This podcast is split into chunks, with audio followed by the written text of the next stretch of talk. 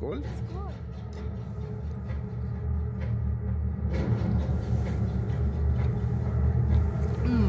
Ja, det här tänker man sig att det skulle kunna vara någon japansk monsterfilm. Mongofilm, tror du skulle säga.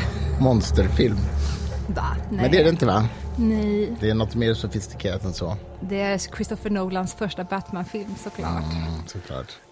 Jag undrar hur många sådana här andra.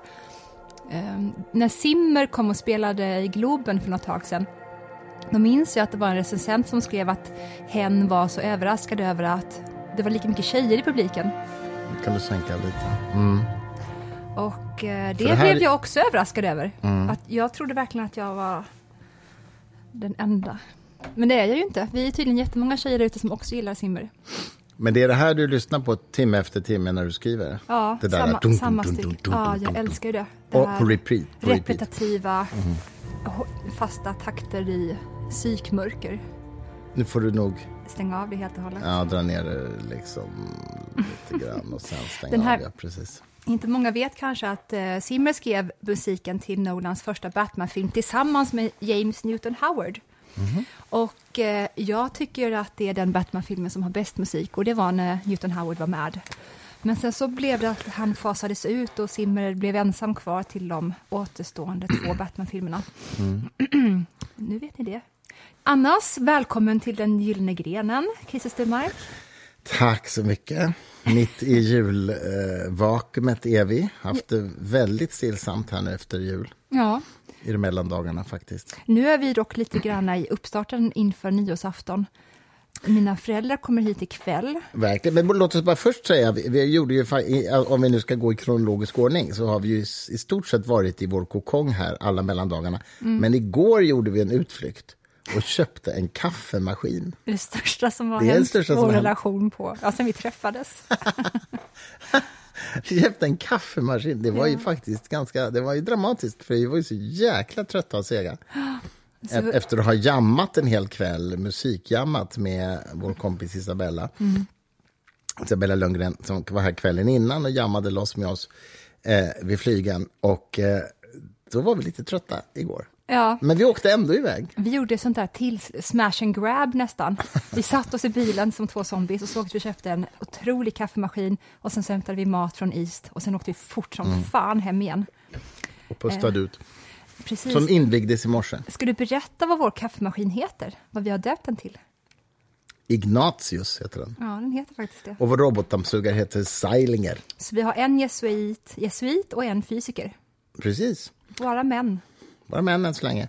Men eh, just det, Seilinger, årets Nobelpristagare och Ignatius, inte årets Nobelpristagare. När levde, när, när när levde han? 1500-talets slut Kraken. Ja, i Spanien. jaha. Det var inte så eh, kul gr- kanske. Grund, han är ju sån här återkommande gäst i vår podd. Han grundade ju jesuitorden och eh, var ju riddare innan han blev religiös och from.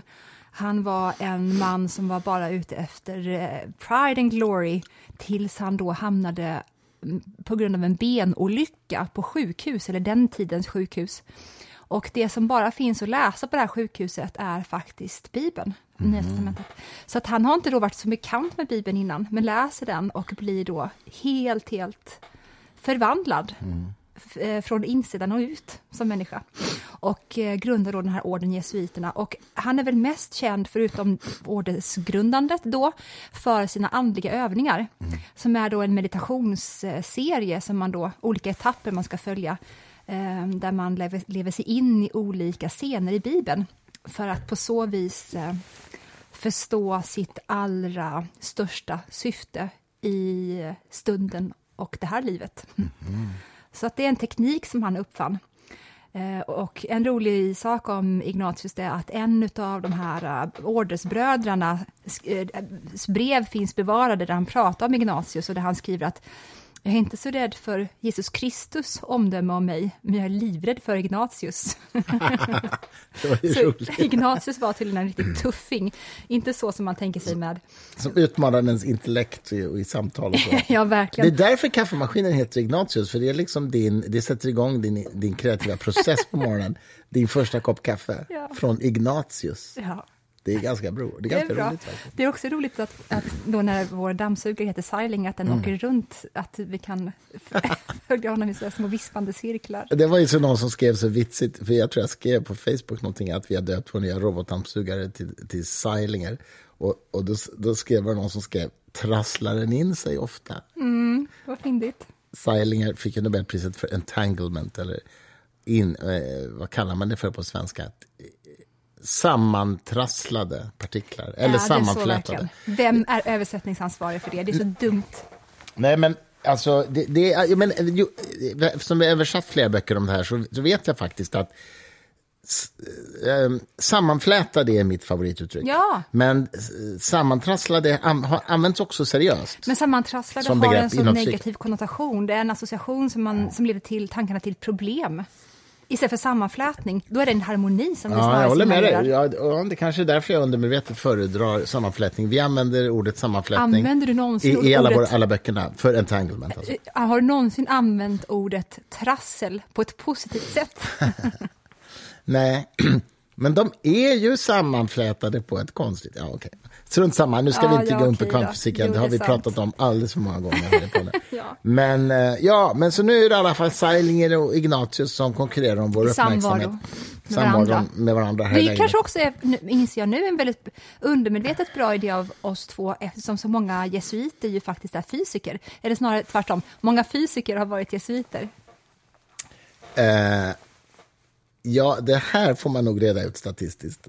De allra, allra flesta fysiker är nog inte jesuiter. Ja, men om du kanske jämför dem med andra religiösa grupper så kanske ändå jesuiterna är överrepresenterade bland fysikerna. Ja, jag tror att det är fler fysiker som är jesuiter än som är mormoner, till exempel. Ja. Ja, det har du rätt i. Det, det, den, men det, det är fortfarande tror jag, så här 0,1 promille eller något sånt. Men, Ja, ja, ja. Men Men bara, de här visst. jesuiterna återvänder vi till om och om igen. Vi Mm. hade ju ett av våra första program som hette Jesuit, jesuiter, dessa ständiga jesuiter. Ja, att bakom alla, eller många av de stora 1900-talsupptäckterna som har gjorts inom fysiken så har det alltid funnits en jesuit med på ett hörn. i, i, I ett, några fall, ja. Mm. Mm. Ja, hur många jätterevolutionerande upptäckter Ganska finns det många. under 1900-talet? Ganska många, men okej. Tycker, tycker du det? Ja, det tycker jag nog. Finns det bara så typ the big five ungefär? Nej, det, det, det, alltså det beror ju på vad man menar med, med revolutionerande upptäckter. Ja, Kanske har väldigt låg ribba. Herregud, titta på all elektronikutveckling som bygger på fy- fysikgenombrott som, som inte hade gått. Om, vi hade inte haft några datorer om man inte hade skapat Nej, visst, men en- transistorn till exempel. Men det finns väl en grundupptäckt där som sen har förgrenat sig i hur vi kan Ja, använda det är det, väl då. atomläran i någon mening kan man säga. Men det, det som är spännande nu, det kanske vi pratade om i förra podden, att man nu börjar vara fusion på spåren. Pratade vi om det i Det förra har vi podden? aldrig pratat om. Det tycker jag faktiskt, det Mm. är, alltså det kommer ju bli århundradets Nobelpris om, om man knäcker den koden. Ja, ja, det är ingen som, vem ska trumfa det? Och jag tycker det är så jävla häftigt därför att, därför att fission är ju det som används idag i kärnkraft och i kärnvapen och allt sånt där. Och det är ju, eh, som alla vet, man måste ha uran och det finns inte så mycket och det är jättefarligt avfall. Fissionskraften, alltså det är samma slags process som Säger sker man i... fusion eller fission? Fission är kärnkraften som vi har idag. Fusion Mhm. Okej. är det här nya. Bra. Och där man inte splittrar atomen utan tvärtom slår ihop två väteisotoper, två varianter på väte kan man säga, till helium. Det är sa- exakt samma energiprocess som sker i solen. Och det har man aldrig kunnat göra tidigare på ett sätt där, som ger mer energi än det kostar, så att säga. Nu har man lyckats med det. Ja. Förvisso i jätteliten skala, men ändå. Och om man kan skala upp det så att det faktiskt kan bli en ny energikälla, då är det så att bränslet är universums vanligaste ämne, nämligen grundämnet väte. Ja. Så att då är det så att säga, per definition så kommer det aldrig ta slut. Ja. Och, All you can eat buffé, så att säga. ja, ja, det är verkligen all you can eat-buffé. Och avfallet är vatten. Ja. Helt ofarligt. Vad ska Miljöpartiet hänge sig Ta vägen då? då? Ja, det, det kan man verkligen undra. Alltså. Ja. Det kan man verkligen. Vad ska de, för det kommer ju säkert vara, som, de kommer såklart bli jätte, jätteglada, men på samma, samma sätt som någon, eh, säg författare, har hållit på med ett väldigt, verk väldigt länge och sen till slut så kommer det ut och man kanske blir glad över att det gick bra. Det är en identitetskris och en sorg och depression som infaller också. Ja, ja. Jag tror att vi kommer få se, och det här är inte en skymf mot de som är miljöaktivister eller de som kämpar för miljön, för jag tror verkligen att en stor del av deras uppsåt är väldigt gott. Men jag kan tänka mig att det kan bli en så kallad eh, global depression faktiskt där ute, Mm. därför att de inte längre har en, ett mål och en mening med sitt liv då Mm. heller. Jag förstår vad du menar. Samtidigt kommer ju... Okej, nu är jag verkligen ute på djupt vatten, men jag tänker att det kommer ju inte lösa problemet med koldioxid. Ja, så de har fortfarande något att göra. I, I alla fall inte på väldigt lång sikt, för vi kommer ju liksom inte ha bilar som drivs av fusion. Ja, alltså om 200 år kanske vi har det, men inte om 20 år tror jag. Nej, precis. Men däremot tror jag att vi skulle kunna få kärnkraftverk som drivs av funktion och som alltså levererar också- all vår el som vi behöver utan eh, farlig Och fabriker då? Det borde också vara för att fabrikerna Ja, för den, är de tar ju elen ifrån samma. Det är ju the main issue. Ja, och elbilar då förstås. Då, då kan man ju tänka sig att elbilar blir det absolut billigaste. För att det kostar liksom ingenting. Mm. Men det som är grejen med fissionskraften nu, som de, att, att, att kunna få igång en fissionsprocess i sig verkar man ha kunnat ett tag. Mm. Eh, problemet är att det kräver att man hettar upp någonting till typ så en miljon grader. Så själva processen måste vara innesluten, i en kap, i någon, inkapslad och upphettas till en miljon grader.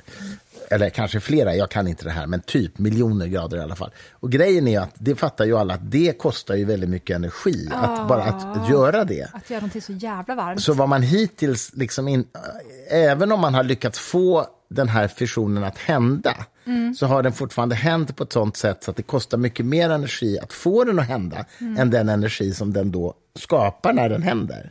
Och det är det, det är det som är genombrottet nu. Och att nu har man lyckats göra det här på ett sätt så att den skapar mer energi än vad det kostar att driva processen. Ja. Och då har, då har man plötsligt skapat en... Om du så att säga, kan skala upp det sen, då har du obegränsat med energi. ja, det är otroligt. För er som vill fortsätta att vara taggade om detta kan jag rekommendera en film med Val Kimbler. Minns ni honom? Va? Det är Val Kilmer. Kim... Kim... Kilmer finns det en skådis som heter. Ja, det heter han Men det faktiskt. kanske inte är honom du menar? Han hette... Jo, oj vad han såg jätteobehaglig ut idag. Nej, jag vill inte visa nu. Jag måste ta fram Mm. den här filmen. För det är ett av mina starkaste barndomsminnen. Han var ju visserligen med i Heat, ser jag nu också. Den var ju bra. Jo, Val Kilmer... Kilmer. Kilmer! Tror, gjorde- tror jag att han heter. tror det också. Han gjorde ju Helgonet. Kommer du ihåg Helgonet? Ja, ju, när du var liten var ju det också. Deckare, ja, då var det ju. Roger Moore som var helgonet väl? Ja, precis.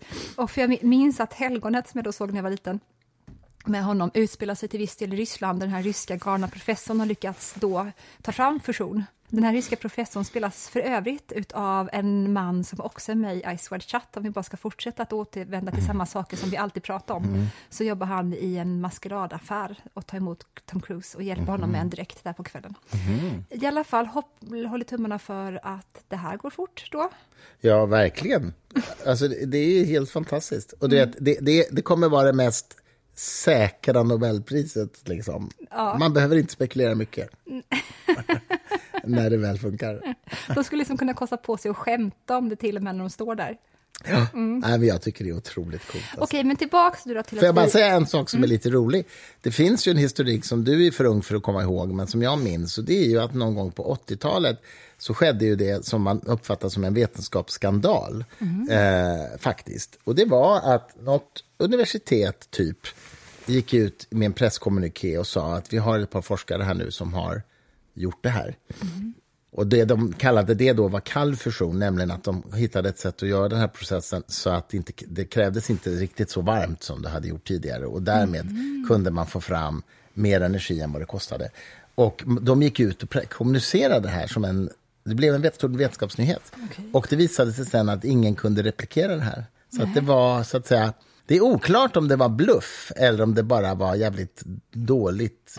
Eh, Jag, jag vet inte. Men det, var, det blev en skandal därför att det, liksom, det funkade inte sen. De kommunicerade lite för snabbt för de var så jävla sugna på att vara först med det här. Ja, och, och trodde kanske, möjligen, att de faktiskt hade kommit på något. Men det, det höll inte. De hade inte det helt enkelt. Jag skulle vilja se en dokumentär om dem och hur deras liv Ja. Vad blev det av dem Jag sen? vet, jag vet, jag vet. Och, och tyvärr tror jag att hela projektet blev lite skamfilat av det där. För att sen har man liksom sagt så här, ja, ja, ja, det ska vi göra om den där tabben liksom. Men Mhm. nu verkar det ju faktiskt vara på riktigt. Ja, ja det var en parentes, men ändå lite Mm. Mycket kul. bra parentes. Nu tillbaka till, eh, du sa att du skulle köra det kronologiskt och nu är det alltså torsdag Ja. när vi spelar in det här. Vi ska ha middag med mina föräldrar ikväll Ja. och imorgon ska vi också mysa med dem och Leo. De kommer upp från Småland Ja. idag. Kör upp flera timmar. Ja, Det är så roligt när vi säger att vi ska ta grejer kronologiskt. Under tiden vi gör det så gör vi 50 utvikningar om ja men helt andra snälla grejer. någon, vi, det är ju så vi gör, samtalar jämt. Ja, jag jag förstår inte varför du utsatte mig under när du körde intervju med mig. Då Ja. skulle du ta hela mitt liv i kronologisk ordning. Min hjärna blev bara, alltså, det rök ur mina Mm, öron. din jag klarar inte av att ta något kronologiskt. Nej, din hjärna är inte kronologisk. Skål. Skål. Din hjärna är kaotisk, inte kronologisk. Ja, fast den, den, den vill I verkligen positiv vara mening, väl älskling. också. Positiv mening. Nej, sluta skratta. hur, många gånger om dagen säger jag till dig sluta skratta? Jättemånga. Å. Många. andra sidan säger du jämt till mig, du bara skrattar. Mm, precis, så att det, det skrattar. går på jämnt ut. Men i alla fall, de kommer upp idag. Ja, och sen så på nyårsafton så tror jag att vi har liksom det bästa teamet att fira nyår med. Och jag vill prata lite om det för det är så mysigt. För Jag Sure. älskar att leva mig in i framtida härliga händelser. Och det är övermorgon, det är nyårsafton. Ja. När publicerar vi den här? Det gör vi dagen efter nyårsafton, va? Ja, just det. ja. Så Mm. att eh, dels så kommer du och jag och så mina föräldrar och Leo såklart. Min och, son, ja. ja. Mm. Och sen så kommer din exfru Gunilla ihop med sin kille Jens, Jens, som vi verkligen gillar jättemycket också. Och sen så kommer Anders Widmark, Jazzpianisten. Maria, hans fru, Och hans fru. hans underbara två barn. Ja. och, och sen så kommer Morgan Morgan eh, och Emily. och Emily också. Och, Och- det var alla. Ja, det var alla. Ja. Det... That's true, ja. Ja, det är det bli- faktiskt att supermysigt. Vi brukar umgås med alla de här väldigt tätt och var och en för sig, men det är sällan vi slår ihop alla. Och Mm. vi känner ju familj och jättenära vänskap med alla dem, så det ska Mm. bli så kul att vi ska vara ett gäng. Det är superkul faktiskt och jag misstänker att vi har två proffsmusiker eh, ombord, Anders och Gunilla, så det kommer nog bli lite musik tror jag. Mm. Och sen har vi glada amatörer som vi själva. Jag tänker att vi ska också att vi får önska massa låtar av Gunilla också. ja, Om och av igen. Anders. Och av Anders. Anders är, är ju, han kan ju tolka vad som helst liksom. Och man kan be honom, Ryska, ja, koreanska. nej men musikstyck. Ja. Alltså, och han, han, och, och han kan ju spåna ur hur som helst, det kan bli vad som helst av det. Det är alltid fantastiskt. Han är ju, tycker jag, den mest begåvade jazzpianisten vi har i landet. Ja. Och väldigt, väldigt egensinnig och speciell. Och, eh, och Gunilla har ju sjungit hela, höl, hela, heter det, hela helgen, hela hösten på olika jobb och är äntligen ledig nu ett tag faktiskt. Så att, eh, men hon kommer säkert göra något nummer med Anders. Det kommer vi kräva tycker jag. Ja, det kommer vi kräva, för ingen Det, mat annars. får ingen mat annars. Nej. Och Leo tycker det är kul så här, när det blir stor, st- bonusfamiljen samlad på nyårsafton. Och vi har ju faktiskt det stora privilegiet att ha en balkong med utblick över hela infarten till Stockholm här på Lidingö där vi bor. Infarten, då menar du alltså vattnet? Ja, alltså vattnet, infarten, alltså... Inte ja, E6an? Nej, utan skärgårdsinfarten till Stockholm där alla båtar går.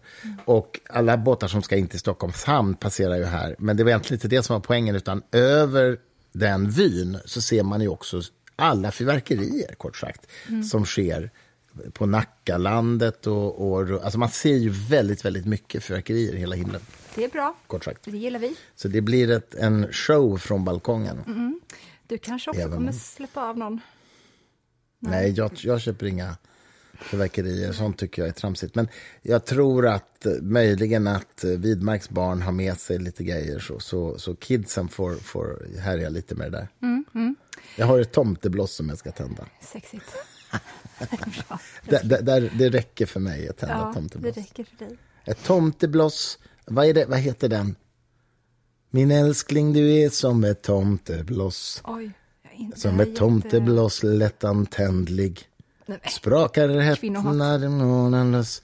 Na, na. Det är Fast nu Cornelis sjunger du med Cornelis röst, höll jag på att säga. Alltså, det måste ju vara Cornelis Cornelis. Vreeswijk, precis. Jag får ångest av honom. Nej, Det är han är hemskt. fantastisk. Ja, men det är så mörkt. Alltså, jag orkar inte. Han, det här grejen att han... Inte bara, det är mycket humor också. Ja, men han utstrålar så mycket mörker. Jag, jag kan inte komma på någon som ser lika depressivt lagd ut som han faktiskt. Mm. Det är bara 100% fel kemi i hjärnan. Och dessutom då att han var så himla svartsjuk. Han var ju fruktansvärt svartsjuk. Och man förstår att Ja, det var mycket våld i nära relationer med honom. Ja. Och dessutom så var det så himla jobbigt att han ovanpå all den här skiten inte kunde hålla i pengar. Nej. Eftersom han hade missuppfattat hur pengar fungerar. Och, eh, Mm. När- man brukar göra det. Jo, men genom att han, hans revisor sa då, jag tycker att du ska grunda ett företag. Ja, vad bra, sa Cornelis. Eh, kan du hjälpa mig med det? Ja, sa han. Så att när Cornelis efter då alltid var på krogen eller på restauranger, då sa han, det är lugnt, jag tar alla snota, för det är på företaget. Ja, han fattade liksom inte att det var hans pengar. Nej, nej jag vet. Åh. Jag vet, jag vet. Nej, jag vet. Jag, jag är väl bekant med Cornelis på många sätt. Han, dels har jag lärt mig spela gitarr mycket tack vare Cornelis musik. Och sen satt jag faktiskt i Svenska Cornelis-sällskapets styrelse under ganska många år. Eh, som drev ett litet Cornelis-museum i Gamla stan som tyvärr inte finns kvar för det gick inte runt, men det var jättefint. En, en, en symptomatisk. Symptom, ja, precis. Eh, men jag, jag, kom, jag fick den stora glädjen att få lära känna en fantastisk kvinna för ett antal år sedan som hette Agneta Brunius som, gjorde, som var Cornelis närmsta vän i livet under hans sista år. Var de ihop? Nej, nej, det var de inte, vill jag påstå. Eh, det, det, nej, det finns inga såna tecken. Men hon skrev en jättefin liten vänbok om honom som vi gav ut med mycket fina privata bilder och sådär från, det, från deras liv. Och hon hade två döttrar som, som också älskade Cornelis. Liksom. Han var liksom sån här farbror som kom och hälsade på dem. Och så här.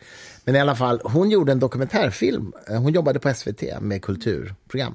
Hon gjorde en eh, en timmes dokumentärfilm om Cornelis som jag tror finns på SVT Play, som är jätte, jättefin.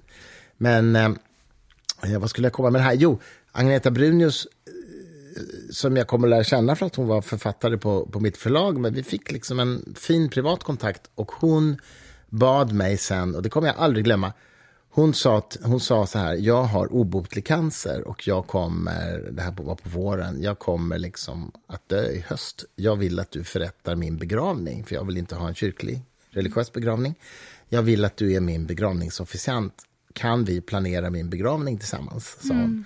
Och det gjorde, jag tackade ja till det och eh, gjorde det. Och jag satt vid hennes sjukbädd flera gånger på hospice här i, i Stockholm när hon liksom, ja, låg för döden helt enkelt.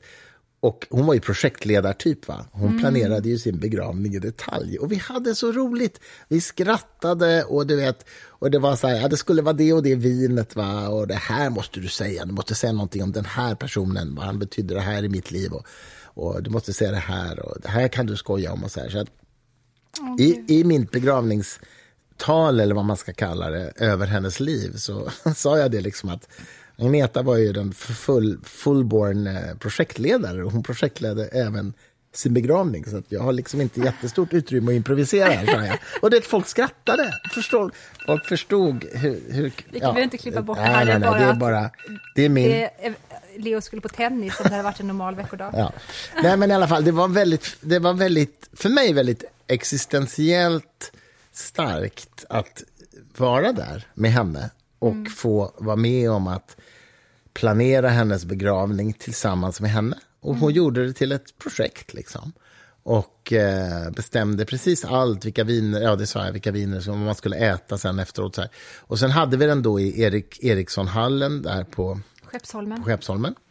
Och jag minns Loa Falkman sjöng och Janne Schaffer spelade gitarr och så här. Och sen hade vi eh, begravningskaffet eller vad det heter, det här som är efteråt, hade vi på Cirkus, Cirkusrestaurangen där. Det var, det var speciellt. Vad fint. Och det var en, eh, som sagt en helt eh, sekulär, då, borgerlig begravning. För det, det ville hon. Jag kommer aldrig glömma, det- det, kom fram, måste jag säga, jag blev väldigt glad för det. För det är den enda begravning jag har förrättat. Eh, kom fram folk och sa att de tyckte den blev väldigt fin. Men jag kommer aldrig glömma en dam som kom fram efteråt på begravningskaffet. Så sa så här, Sturmark, jag vill bara säga, det här var den finaste begravning jag har varit på någon, någonsin på någon gång. Och jag är 90 år ska du veta, så jag har varit på ganska många, Så. Och så här, du vet, jättekäck, du vet. Och jag kände bara så här, du, den, du tanten kommer, le, kommer leva 15 år till. Ja, ja. Det bara kände jag liksom. Ja. Nej, men det var väldigt gulligt. då blev jag lite rörd. Vad heter det? Du får välja om du vill berätta det här eller inte, men det skiljer sig väldigt mycket från den upplevelsen du hade när din pappa begravdes i kyrkan, då Svenska kyrkan inte var kanske helt i sitt esse vad det gällde representation mm. genom sina... Det kan jag verkligen berätta, för det, det är helt absurt. Min, min eh, pappa, som var konventionell och ganska konservativ, ville begravas i Svenska kyrkan. Och eh, fine, liksom. det var ju vad han önskade. Jag har inga problem med det. Och då har man ju sån här... Eh, ska vi se, det här var 2006. Då var jag precis nybliven ordförande för Humanisterna. Och då hade man ju sån här begravningssamtal med prästen i Oskars församling, tror jag det var. Och eh, det första hon sa, det var en kvinnlig präst, det första hon sa på det här begravningsmötet, det var att eh, jag tycker det här känns väldigt obekvämt, för jag vet ju att du är ordförande i förbundet Humanisterna och inte alls gillar eh, eh, religiösa ritualer. Och då sa jag till henne så här, det här handlar inte om vad jag gillar, det här handlar ju om vad min pappa gillar och han vill ha det så här. Mm. Så kan vi liksom get on with it. Mm. Um. Men hon hade ju oerhörd attityd till mig. Och även i själva begravningen sen så fick jag en utskällning efteråt som jag inte minns detaljerna av, men som var på själva begravningen. Alltså, efteråt. alltså det är det sjukaste mm. jag har hört. Nej, hon, alltså hon, det var jävligt obehagligt. För att hon, hon fick ju någon form av sammanbrott, ja. kan man ändå säga, efter att hon har begravt din pappa. Då har hon laddat upp så mycket aversion mot dig, mm. så hon tar det med dig på din egen pappas begravning. Mm. Nej, jag vet. Och jag berättade det här för en god vän till mig som också är präst i Svenska kyrkan och som verkligen är en riktigt god vän, nära vän. Och han sa ju att det här är ju tjänstefel. Hon skulle, ja, bli, hon skulle kunna bli prickad för det här. Herregud, hon måste ju varit i, hon måste varit, haft psykiska problem, ja. tänker jag. Jag ska inte outa vad hon heter, men jag, jag tror att hon är pensionerad nu. Men, men det, det, är klart att då är man inte stabil och trygg i sin uh, Nej, och du som då yrke, är liksom. garanterat på en emotionellt jätte, jätteuppluckrad plats ska behöva liksom stå och ta den diskussionen. Ja, alltså, och det är klart, det var man ju eftersom det var ens egen pappa som begravdes. Men jag var ju inte ett dugg, uh, så att säga, för mig var det ju helt oproblematiskt att han fick en kyrklig begravning ja, för att han ville ha det. Det är inte mer med det.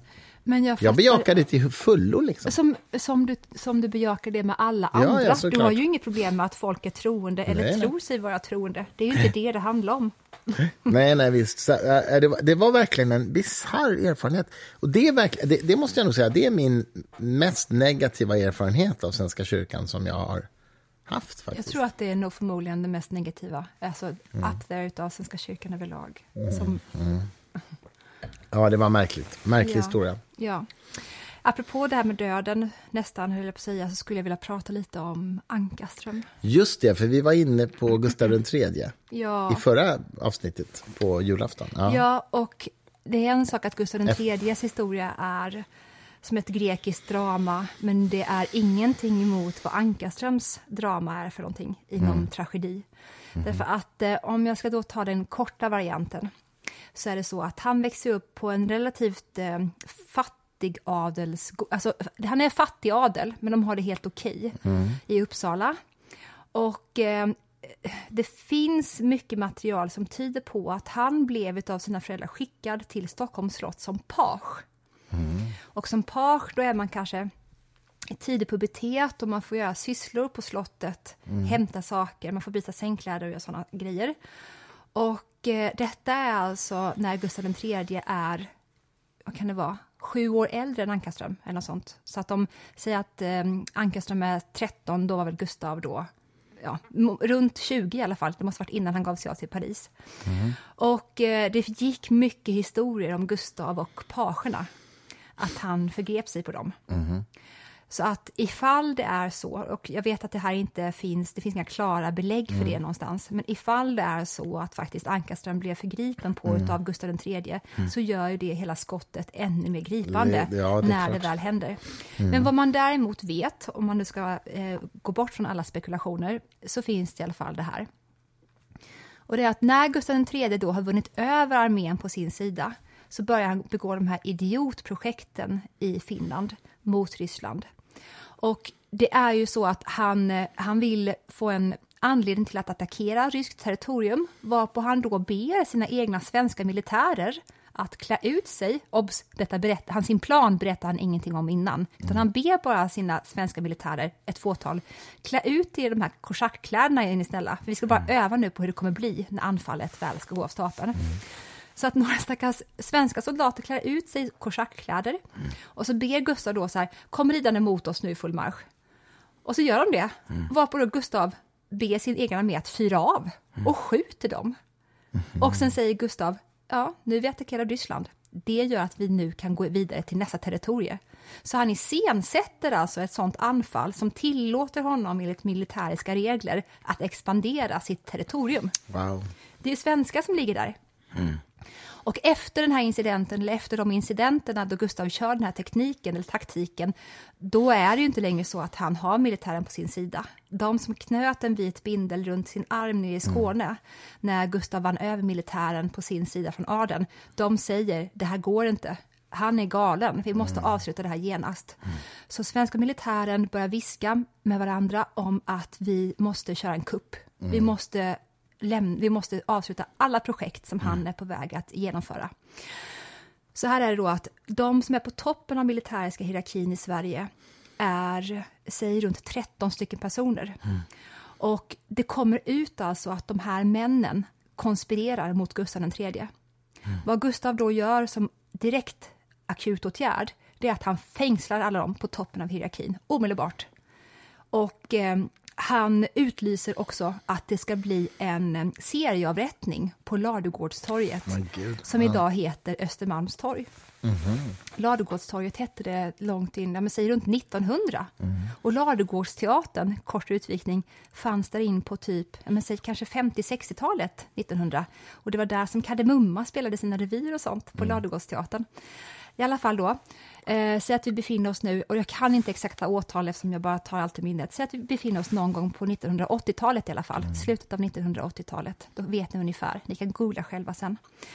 De här då toppmilitärerna är alltså fängslade nu av Gustav och det är en stor utlysning om att de ska avrättas en efter en i giljotin på Ladugårdstorget. Wow. Så att den här folksamlingen växer och växer. Det är den största happeningen ever, att han ska avrätta toppskiktet på sin armé, Gustav.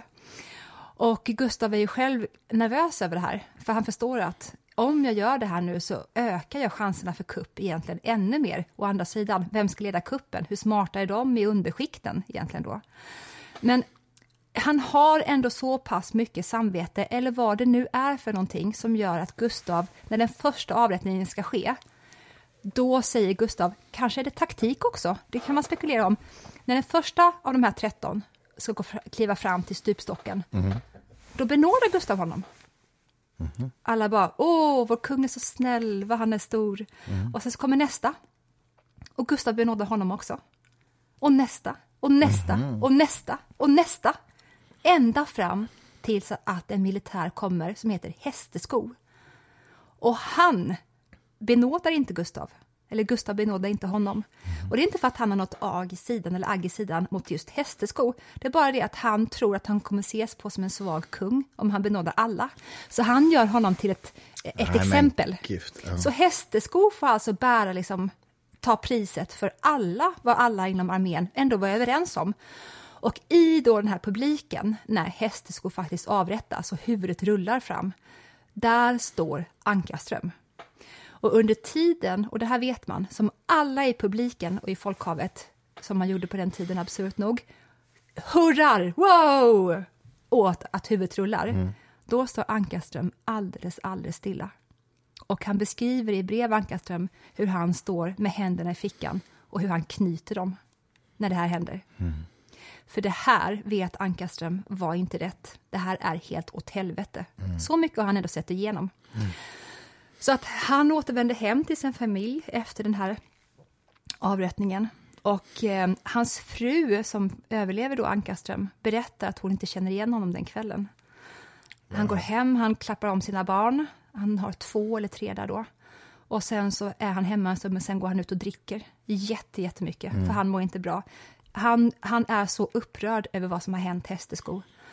Och vad, vad som sägs är att alla de adelsmännen då som var emot Gustav III, som är besvikna över att eh, Gustav tog militären ifrån dem, de lyckas få nos om att Ankarström hatar Gustav. Han har ett brinnande hat mot Får Gustav III. nysa om. Får nysa om. Så att de approcherar Ankarström och säger vi förstår att du är en av oss, vi vill också avsätta kungen. Wow. Men vad egentligen de här Aha. adelsmännen gör det är att de ser ju en människa som inte mår psykiskt bra. Adelsmännen vill inte reagera, eh, vad heter det, ehm, sätta sina egna liv och karriärer och frihet på... De vill inte skjuta Gustav. De tar den här arma kraken och sätter liksom en, en, en pistol i hans hand så småningom och säger Så han är en nyttidiot? han är en liksom. nyttig idiot, vilket är så hemskt. Peklin heter en av de adelsmännen som sen kommer kallas in på förhör. Det kommer stå ganska tidigt klart efter att Gustav blir skjuten på Operan att eh, eh, polismästaren, som inte jag minns vad han heter nu, eh, förstår att det här är inte bara en ensam galning. Det finns en konspiration som han var bara toppen på isberget utav. Och han dog inte direkt, va? Det tog Nej, det tog typ två dygn eller sånt. Ja. Och när då polismästaren, det här är en sån osannolik historia alltså, därför att under tiden som då det är oklart vem som har skjutit Gustav så småningom på, på operan, då är det ju så att alla de adelsmännen som manade Ankerström till att ändå genomföra det här, de skickar ju bud fram och tillbaka till varandra, för de är nervösa. De kan inte smsa. De har springpojkar som springer fram och tillbaka om hur står läget till, vad tror ni och så vidare, för de är ju nervösa. Och då finns det en så en s- händelse som aldrig skulle kunna få vara med i en serie eller en bok för att den är osannolik. Och då är det alltså hur polismästaren i Stockholm åker från Gamla stan över Norrbron och där ser polismästaren att en ung pojke springer längs med vattnet och han är kanske 11. Och han tänker att det är konstigt att vara ute och springa vid den här tiden nu. Så han ber då sin hästkörare att stanna till och han säger stanna pojk. Och pojken är vettskrämd och han säger hoppa upp här min kära. Han, han förklarar vem han är också så pojken vågar inte sätta emot. Och pojken hoppar upp där i kärran och polismästaren då säger vad ska du? Och han erbjuder honom skjuts istället. Och vad han då egentligen har med sig för bud, det är ju det, alltså papper som är mellan de här adelsmännen som avslöjar att de är inblandade. Shit. Helt, det kanske halv ett på natten händer detta och då uppdagas hela den här stora komplottskandalen. Finns det här filmatiserat? Nej, eh, Det nej det, borde fanns, jag vet, jag älskar det, men det kanske, jag vet att Gus, vad heter han, Torsten Flink gjorde en sån jätte, Oj, ja. mm, teatergrej utav det, som utspelar sig bara i Hagaparken tror jag. Extremt överspelad. Men eh, Vilken story! ja, det är otroligt. Vilket drama! Eh, sen då så eh, avrättas ju då Ankarström på det mest hemska sätt och hans lik slits isär och han begår allmän skymfning och alltså det är en korsfästelse av honom i princip. Hans änka flyttar sen med barnen till Gotland. Och detta är ju då 1792 flyttar hon med dem till Gotland för att börja ett nytt liv där ingen känner igen vad hon, har, vad hon har gjort eller vad hon har varit med om för någonting. Och där träffar hon en man och gifter om sig som typ ett eller två år senare blir arresterad för mord. Nej, Ja, okej. dåligt. Så hon är med om allt en gång till och då måste hon lämna Gotland också för då känner alla till henne av den anledningen där. Är det inte fascinerande, apropå det du nämnde om giljotineringen, att giljotineringen var ju en, en, en, en, produkt av upplysningen och humani, humanitära överväganden. Därför att innan eh, avrättade man folk med en bödel som oftast var full och högg snett och missade och det tog liksom tid. Sådär. Så giljotinen uppfanns ju för att skapa mer humanitära avrättningar, mer liksom smärtfria för att det gick snabbt och man fick av huvudet totalt från början. Men tror du att det var eh, humanitärt eh, smärtfritt som var den främsta anledningen eller var det bara effektivitet för att man skulle hinna med fler? Nej, men så vitt jag har läst i det historiskt så var, fanns det en tanke om att det skulle vara mer humant mm. med giljotin än med en full bödel som hugger själv och som alltså måste träffa helt rätt för att det ska vara bra. Jag undrar, eftersom då hela övriga samhället styrdes av sån kristen infrastruktur, hur man förklarade bort bödelns uppgift. Ja, jag har ingen aning. Alltså, ingen aning. Nej. Men du vet väl när giljotinen användes sista gången Berätta. i en offentlig avrättning i Frankrike? Det är ju senare än man tror. Alltså. Det är ju samma år som Star Wars-filmen första hade premiär, 1977. Otroligt. Det, det tror man inte. Nej, men det är kanske för att det är en Det var sån... inte, förlåt, jag sa offentlig avrättning, det är fel. Den, det var inte en offentlig avrättning, men det var en, en avrättning så att säga i statens regi. Det var alltså inte något, det var alltså inte ett mord som någon själv gjorde med giljotin, utan det var en statligt sanktionerad avrättning, men det var inte en offentlig avrättning. Du vet varifrån Nike har fått sin eh, slogan Just do it. Nej. Eh, en man som eh, var on death parole som skulle avrättas. Han, man får ju alltid frågan eh, innan man ska dö då precis och få elekt elektriska stolen. Eh, har några sista ord? Just do it. Ja. Ja. True story faktiskt. Herregud. Makabert. Väldigt makabert. Får jag bara lägga till en till Mm. grej om Nike? Eh, du vet att deras grej också är, ja, just do it, och sen så har de en sån här vinge som är uppåtriktad. Ja, ja. Jag såg en jätterolig bild från, vilket också kanske är hemskt, från någon så här u-land, där någon hade en eh, nedåtvinklad vinge, mi- vinge på bröstet. En Nike-vinge nedåtvinklad. Mm. Och deras slogan var bara så här, I can't.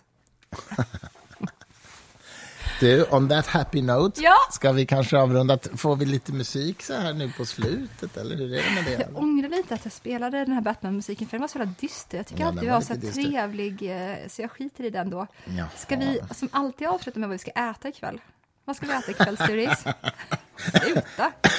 Nu, nu, ehm, eh, ja, vad ska vi äta? Vi ska äta kyckling, va?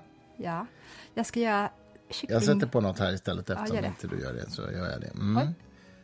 Oj. Vad är det för någonting? Det här är Är det min... Ja, det är Legrand. Michel Legrand. Om ni inte förut. lyssnar mycket på Legrand kan jag, kan jag faktiskt um, rekommendera som kärleksmusik. Mm, det är fantastiskt.